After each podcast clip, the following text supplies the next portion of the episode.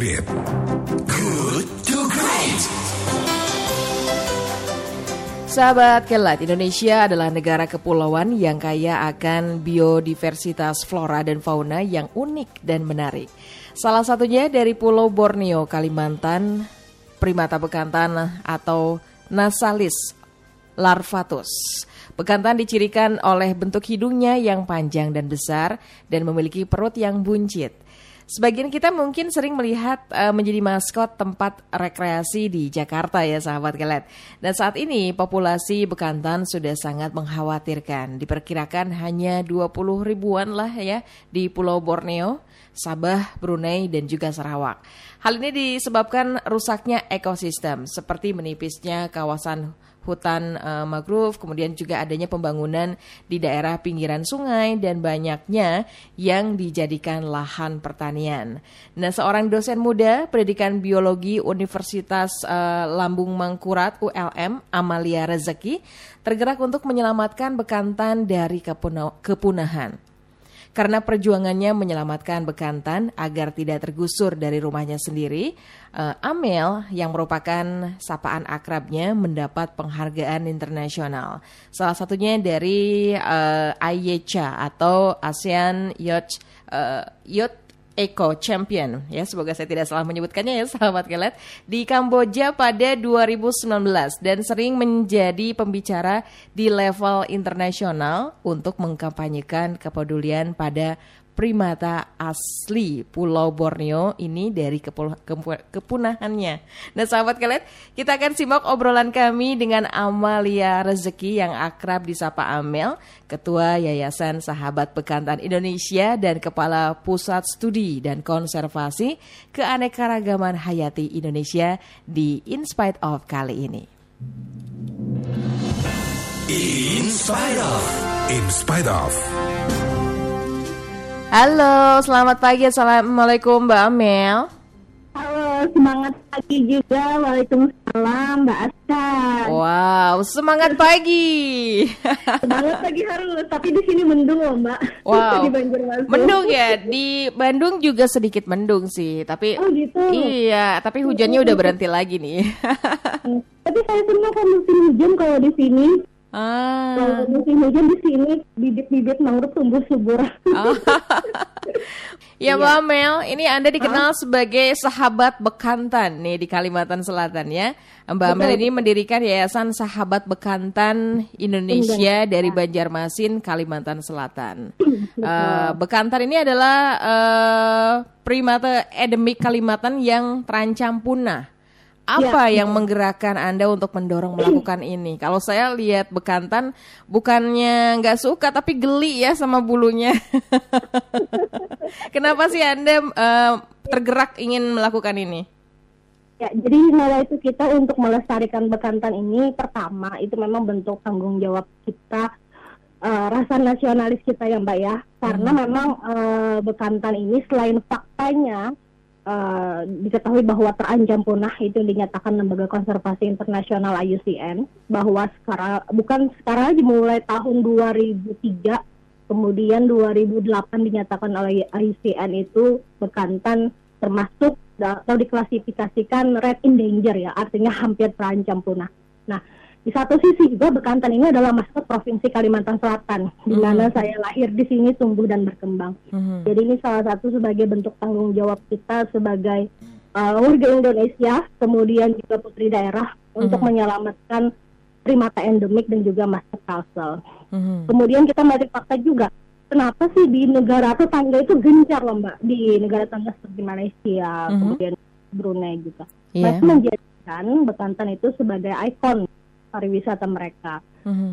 Terus kenapa kita yang punya maskot, yang punya habitatnya lebih banyak lah daripada mereka, walaupun memang sangat masih sekarang terjadinya degradasi habitat. Kenapa enggak kita sendiri yang punya aset itu kita sendiri yang mengelola? Itu bentuk tanggung jawab nasionalis kita. Kemudian yang kedua uh, ini merupakan saya merasa ini merupakan tanggung jawab ilmuwan karena kebetulan juga background saya di bidang pendidikan biologi. Mm-hmm. Ketika penelitian terus kita kan banyak sekali mendapati hasil penelitian. Kenapa enggak kita implementasikan dalam bentuk upaya konservasi?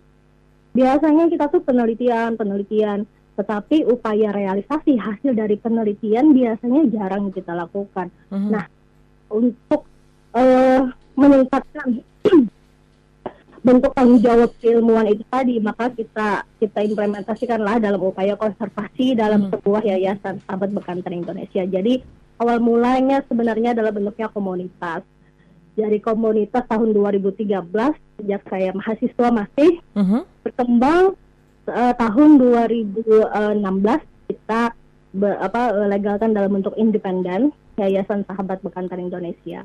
Luar Kemudian biasa. setelah sampai sekarang menjadi beberapa program, lima program. Selain itu juga Mbak, eh, karena di sini kita dominan mayoritas agama Muslim ya, agama Islam. Ya. Eh, kita tahu bahwa tanggung jawab eh, Muslim itu menjaga amanah Allah sebagai khalifah di muka bumi. Jadi kita berupaya untuk eh, bagaimana sih caranya kita tidak hanya menjaga hubungan dengan Allah. Luar biasa sekali. Ini eh, saya merasa sangat eh, apa ya respect dan apresiasi terhadap apa yang anda lakukan ya, Mbak Amel. Ini anda anda putri daerah sejati ini, putri Indonesia aja kalah sama anda ya.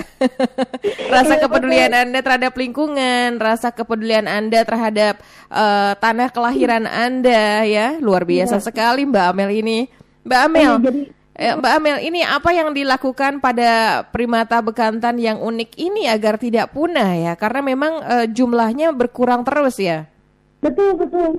Ya, apa yang harus dilakukan? Ya jadi jujur ya Mbak ya dalam awal tahun 2020 ini aja yang mengancam kepunahan bekantan ini aja dalam satu bulan bulan Februari ini sudah ada sekitar 9 kasus lah Mbak. Mhm. Baik itu yang memasuki uh, pemukiman warga terjadi konflik, kemudian tabrakan di jalan, kesetrum, Ya ampun. kemudian juga karena macam ham- ada yang ada yang migrasi menyeberangi Sungai Barito itu ada yang hampir tenggelam, kemudian ada yang juga peliharaan warga macam-macam. Jadi Hmm. memang untuk mengatasi berbagai macam ancaman kepunahan kita punya lima program. Hmm. Yang pertama sosialisasi dan edukasi. Ini sebenarnya langkah fundamental yang kita lakukan pada saat awal-awal berdirinya Sahabat Bekantan. Kita tidak melakukan aksi-aksi yang lain dulu, Mbak, karena banyak orang Kalsel sendiri belum tahu bahwa mereka punya maskot yang namanya bekantan dan hampir terancam punah. Jadi sosial edukasi terus berjalan hingga saat ini kita punya ada program sekolah konservasi, kemudian kita juga ada kegiatan internship atau magang dan ini juga tidak hanya diikuti oleh teman-teman di Kalimantan tetapi juga sampai merambah ke luar negeri. Banyak teman-teman yang magang dari Jerman, dari Belanda, dari Australia datang ke sini Wow. untuk mempelajari lebih banyak tentang bekantan. Karena saya juga mbak interest mereka yang di luar negeri lebih tinggi daripada orang-orang kita gitu. Mhm. Jadi saya berharap eh, terus terjadi apa, kesadaran dan kepedulian. Ini juga menunjukkan banyak juga mahasiswa yang di di luar Kalimantan yang sekarang banyak untuk gabung juga dalam kegiatan magang. Kemudian kita juga punya kegiatan volunteering atau relawan. Mhm. Nah, relawan ini kita punya eh, komunitas sendiri kita bentuk namanya Relawan Bekantan Indonesia. Mhm. Ini semuanya anak muda, anak milenial. Uh, Jadi mereka keren. salah satu corong untuk menyuarakan pelestarian bekantan. Iya. Sosial. yang berkarya untuk menjaga bekantan ini luar biasa sekali. Betul, kita harus kita harus punya kader kan Mbak ya. Iya. Mungkin lama kelamaan kita akan menua. Jadi harus harus men- menyebarkan virus untuk anak-anak muda yang Nah, lainnya. itu virus Betul. positif Iya. ya tentunya ya Mbak Amel Betul, ya. virus positif bukan virus corona. Ya Mbak Amel kabarnya Anda juga mendapatkan penghargaan internasional dan ASEAN Youth eh, Eco Champion atau AYCA Alhamdulillah. di Kamboja pada 2019 ya.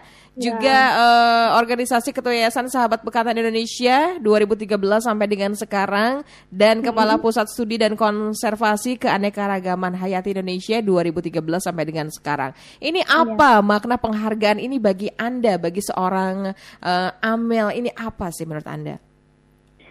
Eh, sebenarnya saya nggak nyangka, tetapi pertama yang pasti saya mengaturkan terima kasih luar biasa terhadap Kementerian Lingkungan Hidup dan Kehutanan yang juga mensupport kegiatan kita ya, karena memang kita di sini dalam menghandle bekantan yang merupakan satwa dilindungi, tentunya ini juga di bawah wewenang oleh KLHK dan KLHK mensupport kita penuh juga eh, melalui perizinan aktivitas-aktivitas konservasi satwa liar yang dilindungi. Nah, di sini eh, kemudian kita juga mendapatkan undangan dari ASEAN Sekretariat, tetapi khususnya uh, milenial generasi muda.